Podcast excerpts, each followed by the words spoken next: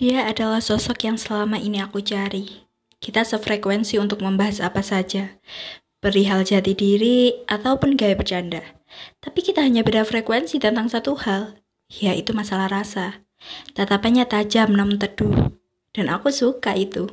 Dia dengan senyum manis, namun hingga kini dia belum bisa membuka hati untuk aku singgahi. Dia juga sosok yang selama ini aku cari. Kita mempunyai prinsip yang sama dan aku nyaman berbincang dengannya. Apalagi menatap dalam bola matanya. Tatapannya candu hingga kerelung. Dia menawan dengan karismanya. Namun, dia bukan milikku. Sampai nanti akan begitu.